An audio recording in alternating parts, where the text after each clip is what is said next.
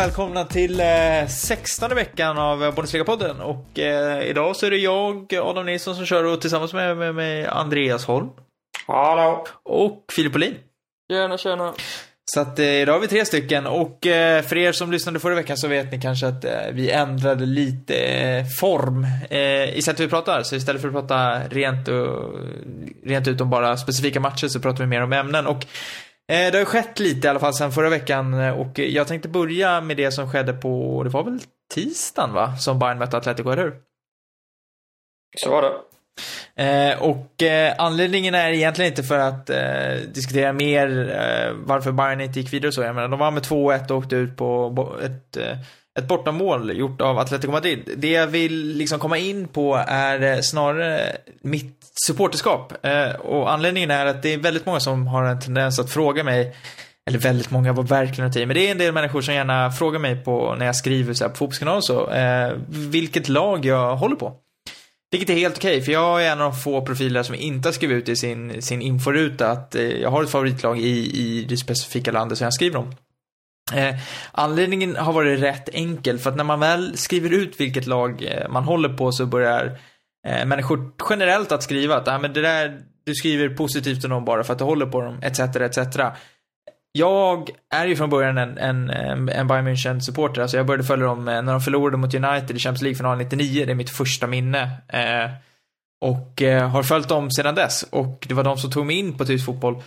Och ju mer jag har skrivit om tysk fotboll, ska jag säga, desto mer har mina känslor liksom svalnat till Bayern München.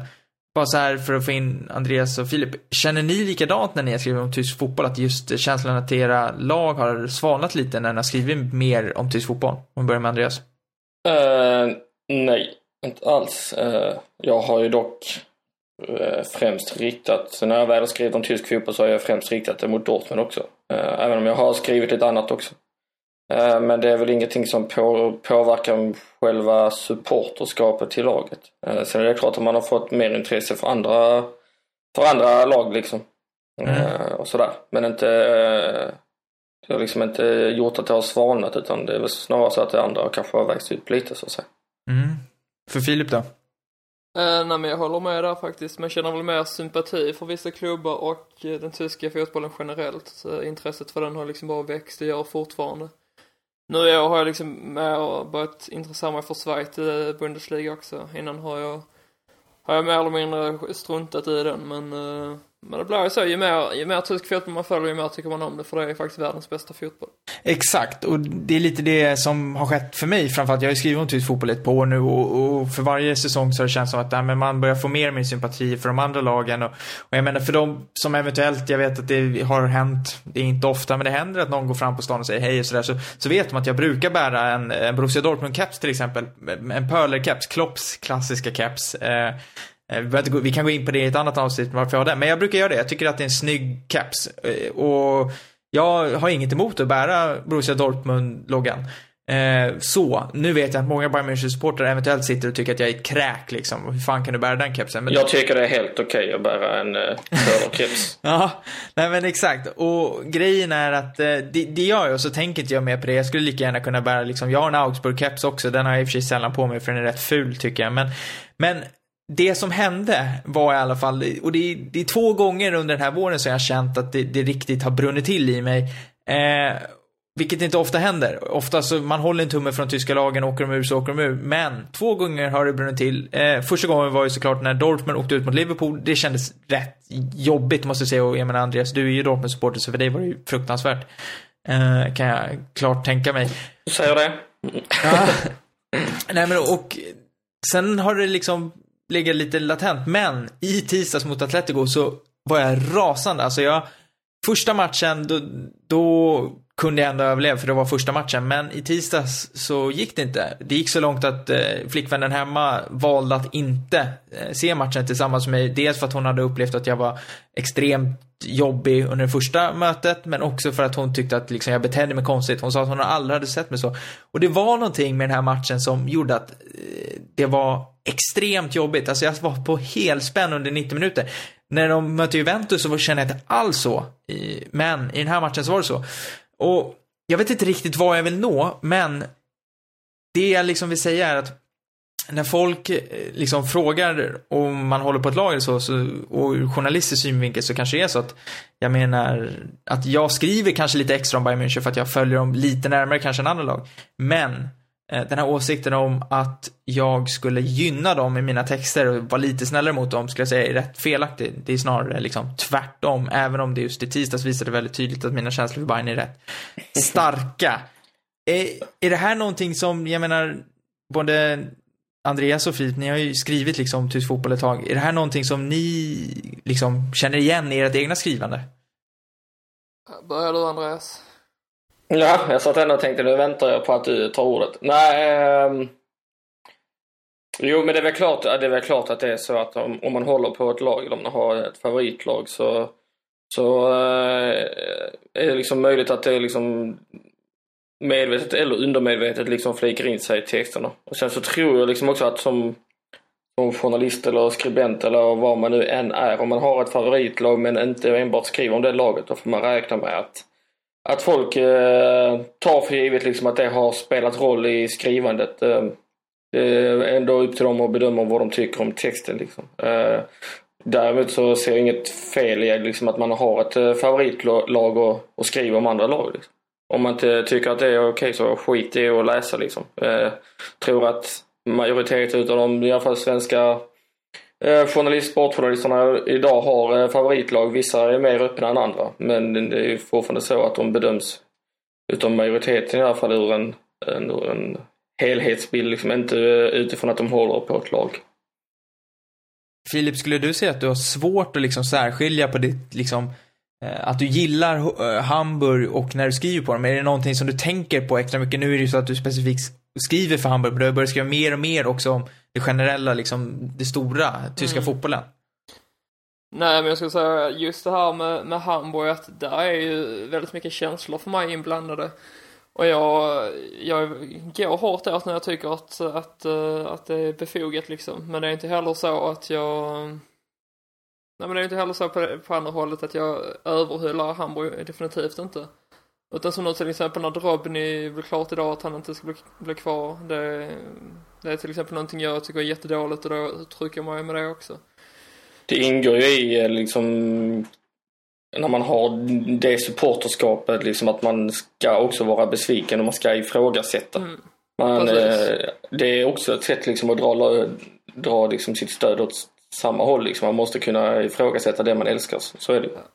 Sen har jag väl blivit mer objektiv också med åren liksom för, för det som du sa Adam. Jag har börjat skriva mer och mer för andra klubbar och sånt där. Jag har skrivit artiklar om, om Bremen också som är Hamburgs största antagonist men, eh, men liksom Bremen är Bremen. Eh, jag kan väl inte påstå på något sätt att jag önskar dem något gott egentligen men jag önskar samtidigt inte heller dem någonting ont utan det är väldigt likgiltigt. Så, och det är väl så man får fungera som med, med det yrket man har. Mm. Jag är fortfarande fast vid att du sa att eh, du inte överhyllar Hamburg. Jag tänkte på att det, det, måste vara otroligt svårt att överhylla Hamburg oavsett hur man gör. Det är inte... Ja, men, men samtidigt, alltså vi har gjort fina värvningar, sen har det inte alltid fallit väl ut. Vi har gjort fina matcher den här säsongen, till exempel ett steg framåt och, och jag får se nu hur mycket jag hinner skriva innan jag ska ner till EM, men eh, men det, det kommer väl ändå bli att man, man lyfter fram saker och ting för jag tycker ändå det har sett bättre ut än vad det har gjort de två senaste åren och det har det också onekligen i och med att vi inte är i, i, något, i någon nedflyttningstid med någon gång kvar att spela. Men, uh, jag vet inte. Mm, det var fint att du fick in att du ska till EM där också. Det var en schysst passus mot mig och Andreas, eller hur? Ja, det kan väl ändå åka ner. Det är väl bara att köpa biljetter. Ja, det är sant. Nej, men om vi säger så här. Eh, tror ni att ert supporterskap kommer att liksom med tiden eh, falna lite till era specifika klubbar och kanske bli lite mer jämnt. Som jag känner att mitt supporterskap just till Bayern München har liksom så som det har urartat sig. Eller tror ni snarare att det kommer bli tvärtom? Att det kommer bli starkare med tiden? Um, jag kan säga som så att för när jag var yngre så, så var jag jättesupporter till Malmö FF. Det var, liksom, det var laget i mitt hjärta, hej och hå. Men de känslorna har liksom tynat bort nu med tiden och istället så är det HSV som är laget i, i, i hjärtat. Och det kanske låter löjligt men varje gång så när jag verkligen tänker efter på hur mycket klubben betyder för mig så känner jag det in i hjärtat faktiskt. Så jag har väldigt svårt för att säga att, äh, att mitt supporterskap och mina känslor skulle svalna av. Äh, tvärtom nästan. Utan jag känner mig liksom med ett med den klubben. Det är, det är min klubb helt enkelt och jag är glad att jag har hittat den. Även om uh, den ibland är väldigt jobbig att hålla på. Ja, nej men jag, jag håller med eh, eh, eh, Filip där. Jag har också svårt att säga att det ska svalna men som jag ser det så finns det också två grader utav supporterskap. Många, det är många som mm, gärna vill bedöma hur pass mycket supporter en och annan är liksom. Eh, man är med supporter och så vidare och nu kommer det någon kid som helt plötsligt håller på City liksom och sådär. Men så är det ju. Det är därför vi har 50-60-åringar idag som håller på Wolverhampton i varenda match liksom. Eh, och det är det som är lite så här att uh, även om man nu inte är liksom uppväxt och född i Dortmund så tror jag ändå liksom att man kan uh, bita kvar den här kärleken och ju mer man kommer närmare staden och laget och invånare och, och så vidare ju mer kommer man liksom att älska Dortmund. och det är väl där om man är liksom född om man vänder på det att jag hade varit född och uppvuxen i Dortmund och flyttat därifrån liksom, då hade det nog varit mer eh, eh, möjligt att det liksom svalnar eftersom man hela tiden kommer längre och längre ifrån eh, sin klubb. Men det känns istället som att man närmar sig mer och mer och mer. Liksom. Mm. Gudarna ska veta att det växer upp en generation i Tyskland som kommer att hålla på Liverpool tack vare Klopp.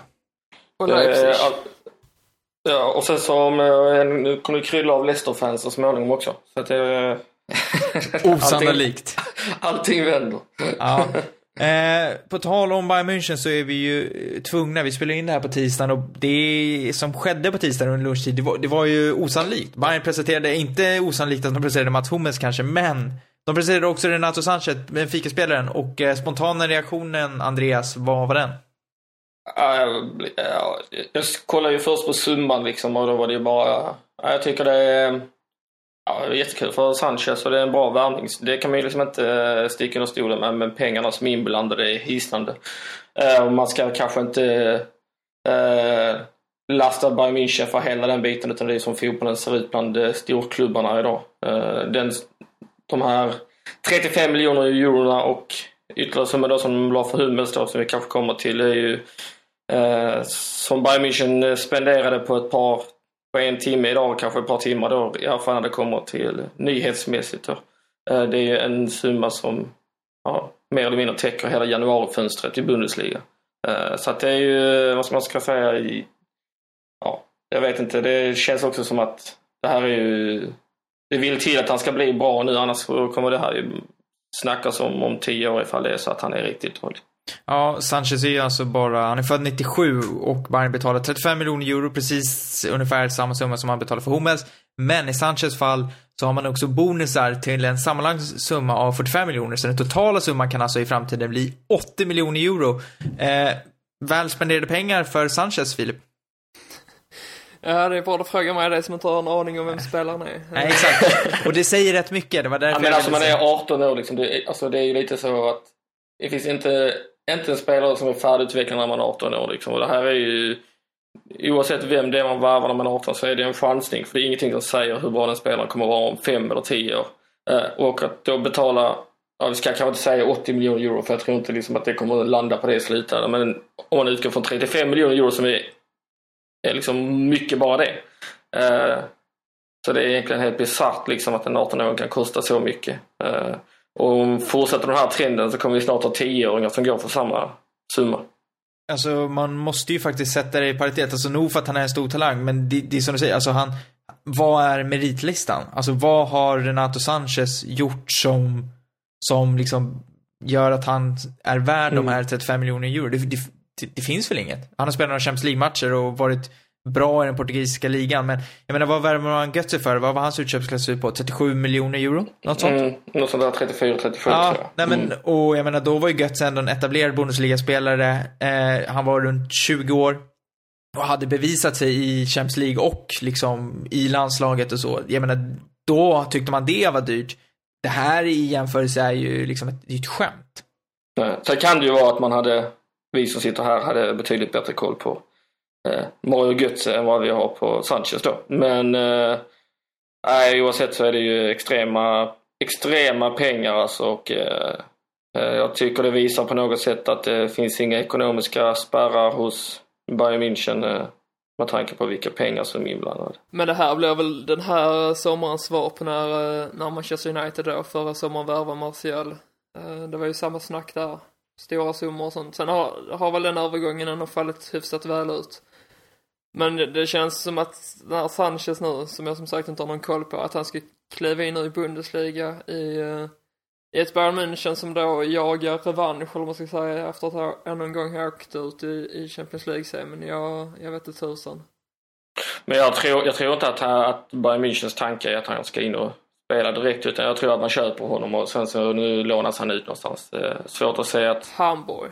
Nej, det, jag, tror inte man, jag tror inte man lånar ut honom för, för 35 miljoner, när man har köpt honom för 35 miljoner euro. lånar, kanske lånar ut honom till Sporting eller någonting då, till Benfica-fansen. Nej. Nej men... Det beror eh, på lite vad som händer i sommar helt enkelt. För det är, Ja, det är nu kommer ju- en ny tränare in, Ancelotti. Det pratas om att Thiago ska bort. Uh, Vidal har ju också ryktats bort, tror dock inte han kommer lämna. Råde. Precis, och det ryktas om andra spelare in. Så det kommer väl handla mycket om, om vad Ancelotti uh, plockar in för spelare. Och man får väl anta att det är han som ligger bakom denna värvningen. Uh. Ja, han har väl haft mer än att göra, men som sagt, Sanchez kan vi prata om och vi kommer garanterat prata mer om honom. Men om vi kollar på den andra värvningen som känns, liksom som vi pratat om under de senaste veckorna och det är ju Mats Hummels så nu är det klart 35 miljoner euro är väl en väldigt bra summa för en spelare som bara hade ett år kvar på kontraktet.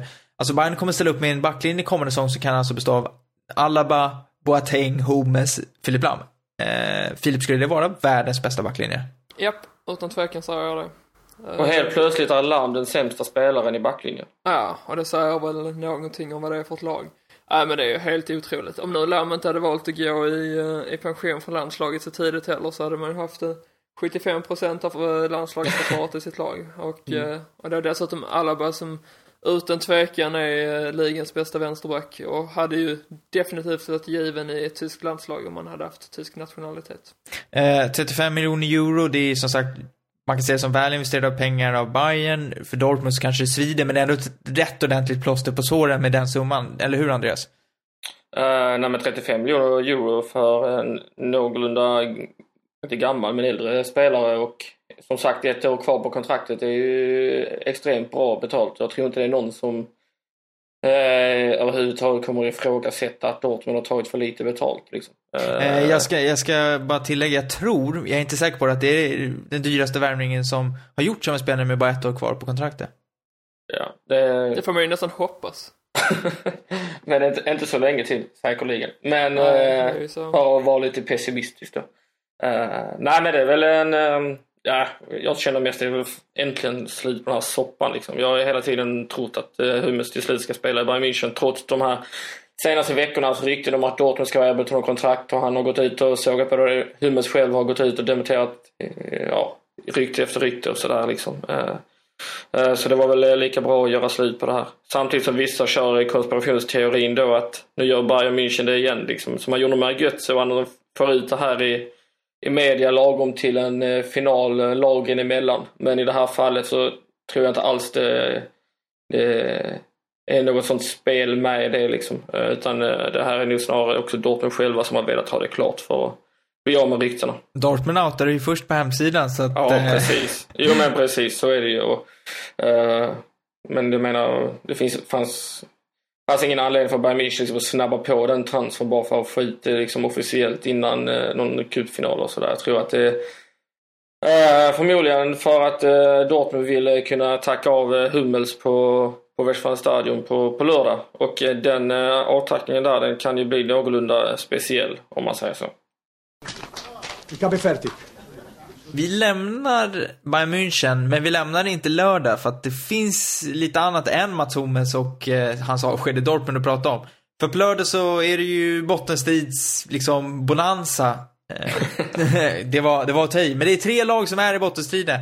Det är Eintracht Frankfurt som just nu är på säker mark, eh, 36 poäng. Werder Bremen på 35 poäng på kvalplats och Stuttgart på 33 poäng. Eh, som just nu är på väg att bli nedflyttade. Och Eintracht Frankfurt och Werder Bremen möter varandra på, på lördag. Bara så här, Filip, eh, den här bottenstriden, vad tror du? Vad, är liksom, vad har du för känsla?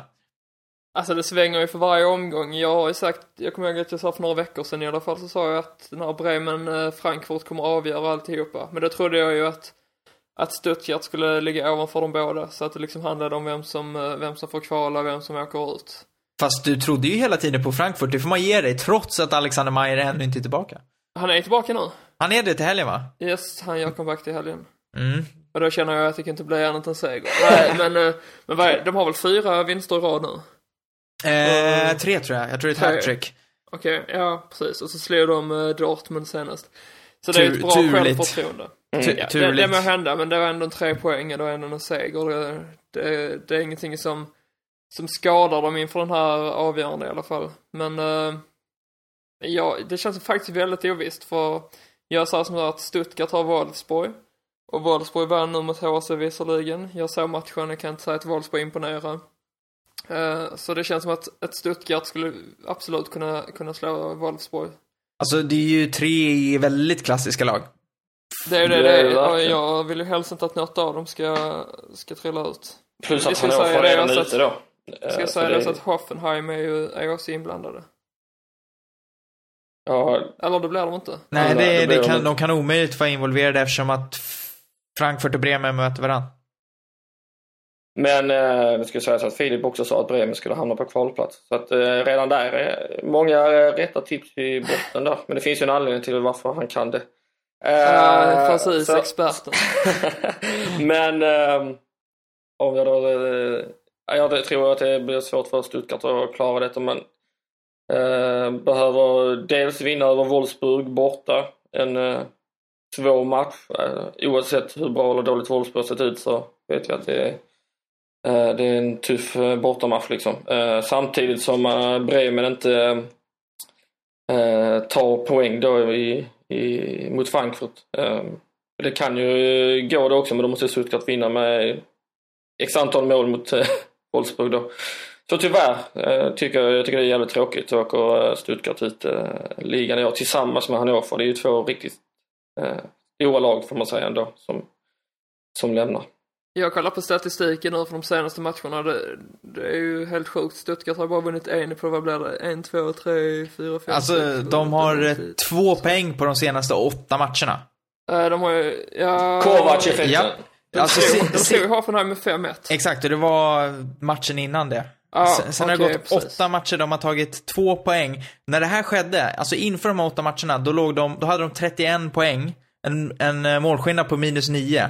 Eh, Idag har de eh, 33 poäng och minus 23 i målskillnad. Intressant nog så har Hoffenheim, som nu ligger före dem, låg då 10 poäng efter. De hade alltså totalt 7 poäng ner till Frankfurt på kvalplats och 10 poäng ner till nedflyttningsplats. Jag skulle säga, det känns verkligen som att det gått fort där att Stuttgart har hamnat under strecket. Eh, Ja, det de har det. Inte Det för har att de har varit på något sätt säkra och, inte involverade i bottenstriden, men det, liksom, det har bara smällt till verkligen så är man nu helt plötsligt mer eller mindre utdömd och åka ut.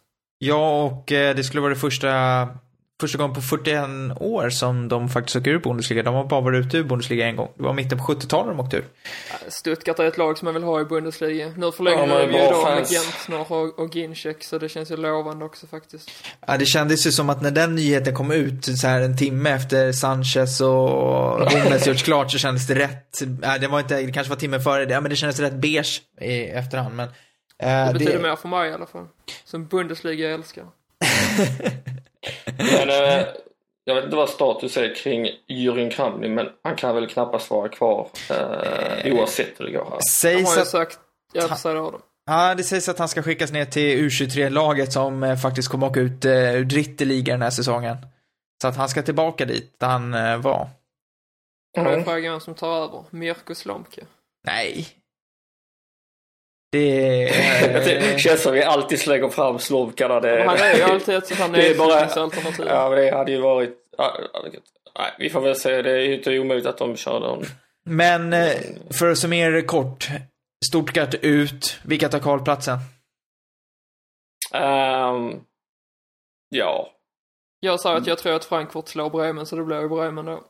Och jag tror på kryss och då blir det också Bremen. Mm. Och jag tror på Bremen, så att jag tror att Frankfurt får kvala. Eh, och... Härligt. Ja, det, vi får se hur det blir. Vi är alla övertygade om att Stuttgart åker ut. Eller Och övertygade, det, men och det är väl klart nu att det blir Nürnberg man möter i kvalet. Det blir Nürnberg de Ett möter i ganska kvalet. formsvagt Nürnberg. ja, det har inte gått jättebra på slutet, men Filip, vi ska inte prata Nürnberg idag. Vi ska prata Leipzig. Duisburg. Nej, men eh, Rasenballsport Leipzig som i helgen blev klara som andra lag att eh, gå upp till eh, Bundesliga. Och eh, det kan man ju hata eller älska eller ingenting. Vad eh, var första reaktionen kring det då, Andreas? Att eh, vi får se nu Leipzig i Bundesliga. Det har ändå varit väntat, får man säga. Ja, det har ju varit väldigt väntat och man har väl förberett sig på detta sen säsongen mer eller mindre drog igång att eh, Leipzig skulle vara med i toppen och sen så när de cementerade sig i toppen så räknade man med ingenting annat än att de skulle gå upp även om eh, Eh, jag kanske hade förhoppningar om att de inte skulle göra det. Eh, och de förhoppningarna beror inte på att jag eh, kanske nödvändigtvis har något ont om själva Leipzig eller laget eller någon spelare eller tränare utan snarare om om den här ja, Red Bull-historien då som man får säga finns i, i Leipzig. Pengarna som finns och det kommer att bli ganska tydligt i sommar nu när de har gått ut på att det här är en klubb som har, de får sina pengar från, från annat håll än eh, bra eh, försäljningar och utveckling av spelare och eh, biljettförsäljning och så vidare. Utan det här är eh, en sponsor som har mycket pengar att stoppa in i den här klubben. Filip, vad tror du om Leipzigs chanser nu i Bundesliga? Det handlar helt och hållet om, eh, om vad som händer under sommaren. Tanken är väl att de ska öppna plånboken rejält nu och köpa. Det ryktas ju redan om flera etablerade Bundesliga-spelare så, så man får väl helt enkelt vänta och se när säsongen drar igång. Men eh, jag tror definitivt inte att de kommer att vara ett lag ämnat för en bottenstrid utan de kommer nog etablera sig ganska snabbt och, och faller det väl ut med värvningar och, och så vidare så, så skulle jag nog säga att inom tre år så kan de nog mycket väl vara med och slåss om en Europaplats. Alltså jag vet ju, jag vet inte om det var Kicker som eh, skrev det idag eller vilka det var som hävdade detta, men att de har en lista på 40 man alltså. Eh, som också uttrycktes kallades för shortlister. Eh, eh, vilket jag, 40 man, det är ganska många spelare. Alltså jag, är, jag såg den där, jag är rätt säker på att det stod 60 namn, varav det var 40 tyska och 20 utländska. Finns namnen listade för jag har helt missat detta. Nej, det Nej, är... de, de stod- nämnde väl Kevin Folland och Timo Horn bland annat. Eh. S- Samma namn som jag nämnde i mitt blogginlägg ska sägas, så ni vet hur mycket inside jag har. Vi nämnde ju faktiskt eh, när vi pratade om Timo Horn här om veckan så eh, vill jag då ta åt mig äran att jag sa att Leipzig kunde vara en av de intresserade lagen. Men det är också ungefär 1,02 i odds på, på det tipset när man pratar om Men en det spelare. känns som att det blir Horn eller Silo som hamnar i Leipzig. Men Faktiskt.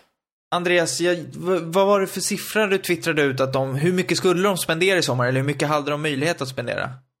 Eh, ja, vad fan var det? Det var väl 50 miljoner euro var det va? 500 millar?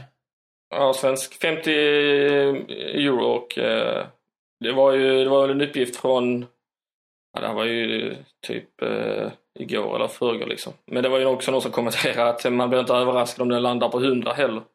Eh, så vi får väl eh, se lite. Men det är ju Ja, en hä- häpnadsväckande siffra. Alltså, Alltså 50 miljoner euro, det är ju, en- det är ju, då hade man haft råd med Sanchez. Ja, då har man ju- Varför värvar man inte honom och nästa, halva Hummels istället? men, men det man får säga är att målsättningen i Leipzig är ju att etablera sig som ett topplag i Bundesliga och så länge Red Bull är intresserade så är ju chanserna väldigt, väldigt goda. Ja, absolut. Eh, kolla på Hoffenheim till exempel. Eh, som är snäppet under när det kommer till... Eh, de hade också mycket pengar men det var inte alls i den här klassen liksom. Eh, Så säga, det känns som att Leipzig är starkare än vad Hoffenheim någonsin kommer att vara just nu i alla fall. Eh, och vad de två båda har gemensamt är Ralf Rangnick som nu kliver tillbaka då från tränarrollen och bara kommer fokusera på att vara sportchef. Ralf Hassenhüttel kommer in från Ingolstadt eh, som tränare och han har gjort det bra där. Eh, vad jag vet upp och anledningen till att jag sa att det beror på hur länge liksom Red Bull är intresserade. Det kom ju ut bara för några dagar sedan att eh, chefen för Red Bull, Dieter Mateschitz, eller Dietrich Mateschitz, han har också en tv-kanal i Österrike, i, i Österrike såklart, eh, som heter Servus TV. Och nu ska den kanalen läggas ner. Den grundades alltså 2009. Och varför ska den då läggas ner? Jo, för att de anställda ville bilda en facklig organisation och då ska han ha blivit rasande. Eh, det säger rätt mycket. Det, det, behövs, det behövs bara små, små grejer. Alltså, så att han, den här kanalen ska stängas ner. 260 personer kommer förlora sina jobb. Eh, så att man vet ju inte, det kan gå jäkligt snabbt för Red Bull att förlora sina intäkter. Absolut. Det ska bli intressant också att se vad de har för uttalat mål nästa säsong. För om de värvar nu här för 50 miljoner euro i sommar och säger att deras mål är att klara sig kvar i Bundesliga, då är det ju lite löjligt alltså. även, om, även om det är klart att det är ett mål liksom. Men de måste ju ha mål som är betydligt högre än att sluta liksom på ja, 14 plats eller vad det blir liksom. Eh, om man värvar in en ja, så pass många stora namn liksom, som man kan förvänta sig att de kommer värva det. Vad skulle du säga Filip? Nej, men så det, det är ju så det kommer att bli. Att man kommer ju gå ut med en låg målsättning och det är ju det är så det, det fungerar i patetiskt, liksom. Ja, absolut, det håller med om. Men, eh, men samtidigt att gå ut och, och säga att man ska ta sig till Europa, det är bara dumdristigt det också. Så förmodligen kommer det liksom bli, ja men vi ska överleva i Bundesliga och försöka etablera oss. Och det, det är väl det man får försöka göra också. Och med på tåget är ju ingen annan än Emil Forsberg som har varit Zweite Bundesligas kanske bästa spelare under säsongen. Ja, det var också du som eh, var på någon Twitter-grej där Andreas, att risken är att Emil Forsberg blir en av de som kanske ryker till följd av att liksom Red Bull Leipzig har sina framgångar. Nej, Det var jag inte vet du. inte om jag vill ha Det Men, heller. Alltså han förlängde ju nyligen sitt kontrakt så...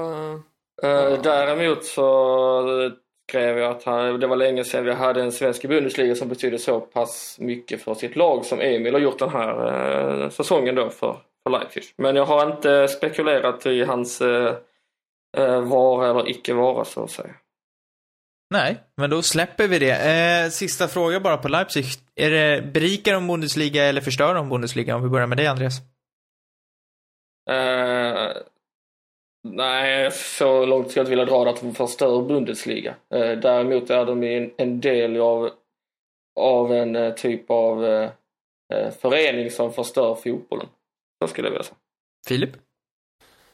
eh, nej, men jag kan inte mer än hålla med. Jag tycker det faktiskt ska bli kul och intressant att, se vad Leipzig kan åstadkomma. Sen är jag väl inte mycket för alltså föreningens strukturering, strukturering och så här men men vi får se vad de har, har att ge. Än så länge så tycker jag det känns helt okej i alla fall.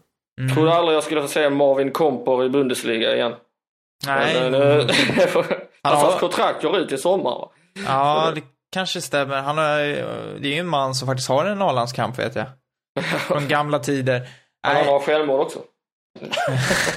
det blir, eh, det blir spännande att se. Det känns lite sexigare än Ingolstadt och Darmstadt från förra säsongen, men eh, eh, ja, vi får se hur det blir. Nu eh, tänkte jag att vi skulle lämna över ordet till Filip som har varit på resande fot den här veckan och eh, ja, men berätta Filip, vad, vad har du gjort? Jag har varit på resande fot. Nej men, Ja. jo men det, det är precis vad jag har varit. Jag, jag har varit runt lite här i Tyskland och, och besökt lite klubbar och, och träffat lite spelare och, och njutit allmänt av det fina vädret som har rått här i landet. Tydligen i Sverige också. Men, eh, men det har varit en intressant resa och den är inte över än. Jag ska förmodligen åka iväg nu på torsdag. Varit, varit i Hamburg idag hos HSV och hälsat på. Uh, inte fått det något nytt så men, men ja. Men eh, du har, du har ju faktiskt gjort något. Det är inte så att du är ute och kollar efter nya klubbar och, och, och som ska värva dig, utan du har ju intervjuat folk. Mm, nej men det stämmer. Eh, det stämmer. Uh, Bundesliga-svenskar har jag varit och träffat. Bland annat då Jilan Hamad och, och Oskar Wendt. Det är de jag har publicerat än så länge så. Ja, Gille verkade ju vara på rätt gott humör. Alltså, Absolut. Nej han- det är fruktansvärt sympatisk människa. Ja, och han bjuder verkligen på sig själv i den första delen av intervjun i alla fall. Alltså det är ingen som skräder orden. Nej, nej men vi... eh, Ja, det var liksom så jag åkte ner till Heidelberg. eh, vi hade kontakt. Vi, vi känner varandra lite grann sedan, sedan tiden i Malmö FF så jag hade kontakten på, på Facebook där och sen så när jag kom ner så bjöd han hem mig till honom, kom dit där, hans agent, hans pappa var där. Vi tittade på, eh, på MFF Häcken, blev bjudna på öl och whisky. Sen drev vi ner till stan, satt oss och käkade på restaurang och, och, ja, intervjun blev fruktansvärt lång men det var ju också för att han hade mycket att säga och det är ju definitivt ingen tillbakadragen kille det där utan han är väldigt rätt fram och, och lätt, att, lätt att arbeta med som journalist. Ja, men vad skulle du säga, liksom, vad, från de två intervjuer du hittills har publicerat, vad är det som liksom du har tagit med dig från dem? Finns det något specifikt uttalande du känner att det här, det här stod ut lite i din värld liksom? Alltså nej, egentligen inte. Där kommer en eh, landslagsintervju nu på onsdag morgon med Gilon Hamad som är desto mer intressant och lite slagkraftig. Men, eh, men annars så här med Bundesliga, det, det är ju intressant att höra, höra deras tankar. Eh, alla, alla spelare man har träffat hyllar ju verkligen ligan och tycker att det är en av de bästa i världen. Och det, jag brukar fråga det också just att när de kommer från Sverige som, där Bundesliga inte är stort, vad de hade för förväntningar innan. Och de sa det att de hade ju aldrig kunnat tro att det skulle vara sånt tryck som det är och att det skulle vara så hög nivå. Och, och det är ju kul att höra. Mm. Eh, om vi ser till de här svenskarna då, Andreas, de sitter ju lite löst till, vi har ju ändå talat om eh, Bundesliga som en svensk liga, men om man ser till de som faktiskt får ordentligt med speltid så, så är det inte särskilt många längre. Alltså risken är väl ändå rätt stor att till exempel en som Gilo Anamad försvinner och även Pierre Bengtsson och, och så vidare. Ja, framförallt eh, Pierre Bengtsson känns det som att det eh, har gått riktigt eh, nedåt eh, gående trenden här eh, våren framförallt då. Eh, och det är klart det finns eh, risk att de hamnar eh, i andra klubbar. Eh, samtidigt kommer Emil Forsberg upp nu då förhoppningsvis. Men hur säkert han sitter i någon startelva formation, det får man väl se. Men den enda som egentligen kan, man kan vara säker på, på kommer ha en stående plats i en, i en trupp i Bundesliga nästa säsong, det är ju Oskar Wendt. Mm. Jag skulle säga Albin Ekdal också faktiskt. Nu har han varit skadad mycket och åkte på en väldigt... Lustig skada. Ja, verkligen. Det är väl fortfarande lite oklart hur allting går till, men... Uh... Men han förklarar ju det på uh, ja, precis. Men jag, Instagram idag. Så. Jag har ju pratat med klubben idag, men de var väldigt förtegna om att ge några vidare detaljer. Men jag tror som sagt, alltså, det har ju inte handlat om något slagsmål och så i alla fall, utan det, det verkar helt enkelt ha varit en väldigt oturlig skada att han trillar på ett glasbord. Men det låter helt osannolikt. Snubbla på ett glasbord kan ju hända alla. Ja, ja fast, fast det händer ju inte alla. Men, Nej. men jag skulle säga, nej, så. Säg då, det, det, det är väl lite, det känns, det, när jag läste det där så tänkte jag, gud, det här var Hamburg, det osar om det här liksom. Ja, fast om det hade hänt så här förra säsongen inför sista avgörande matchen, då hade man verkligen känt.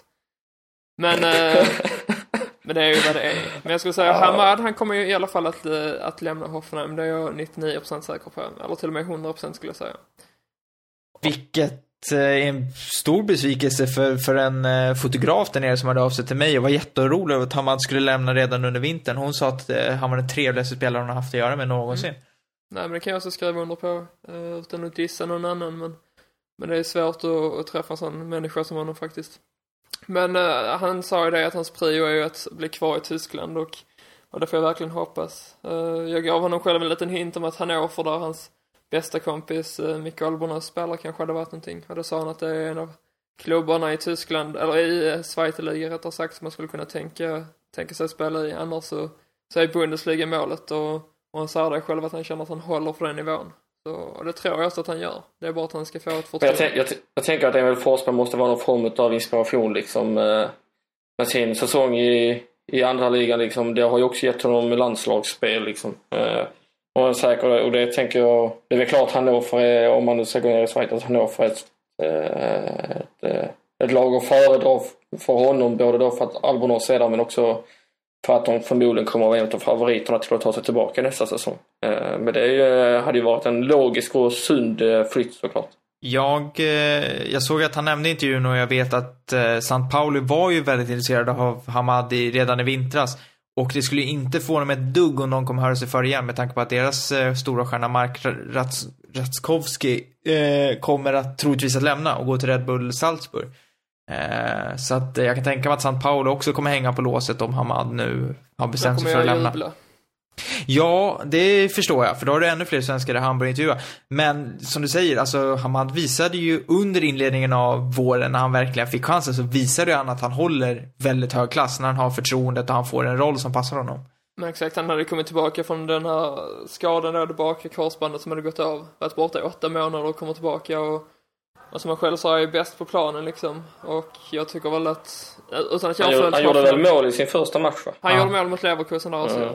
Eh, Men jag älskade det uttalandet han sa det, att han var bäst på planen. Det, det, jag gillade det, att han inte höll igen. För att han, dels för att han var det, men annars han, att man inte är så diplomatisk och säger att nej, men jag gjorde en bra match. Han, han sa att han var bäst på plan och det stämde ju. Han var ju en av de bästa på plan under de matcher han faktiskt fick spela liksom.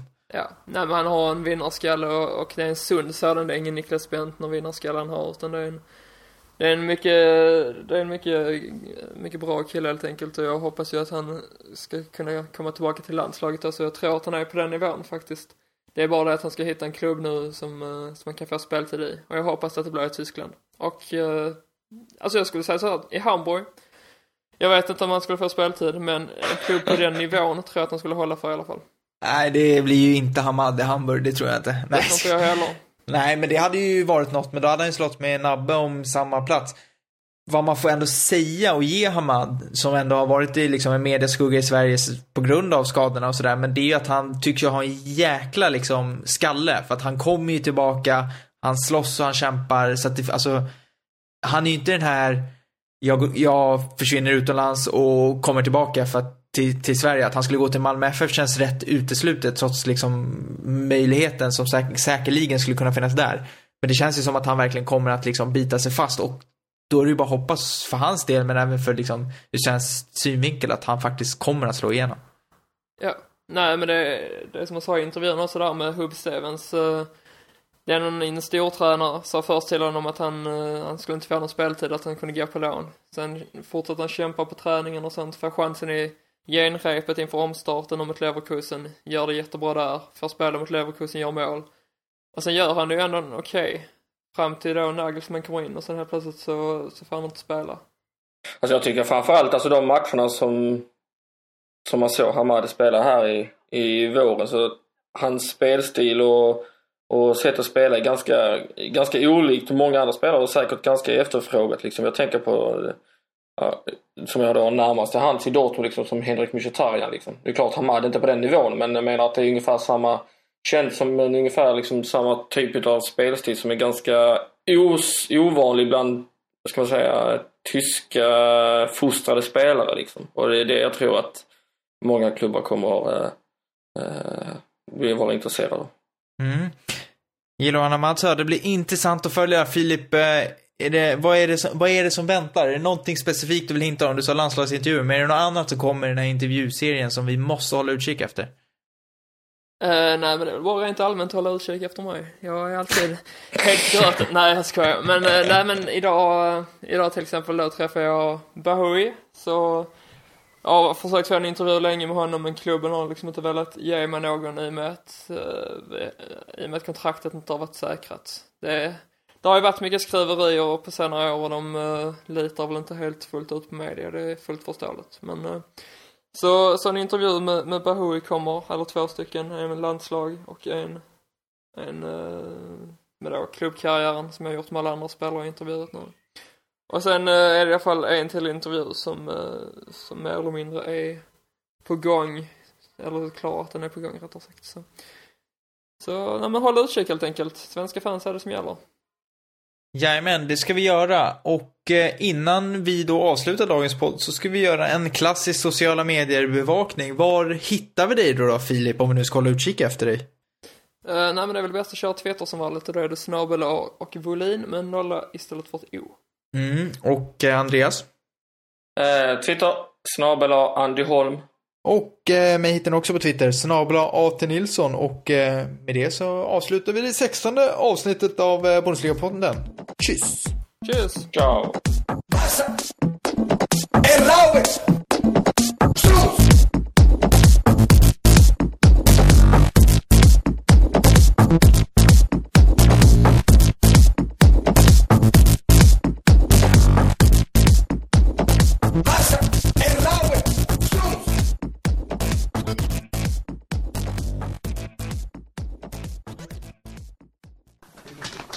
Ich habe fertig.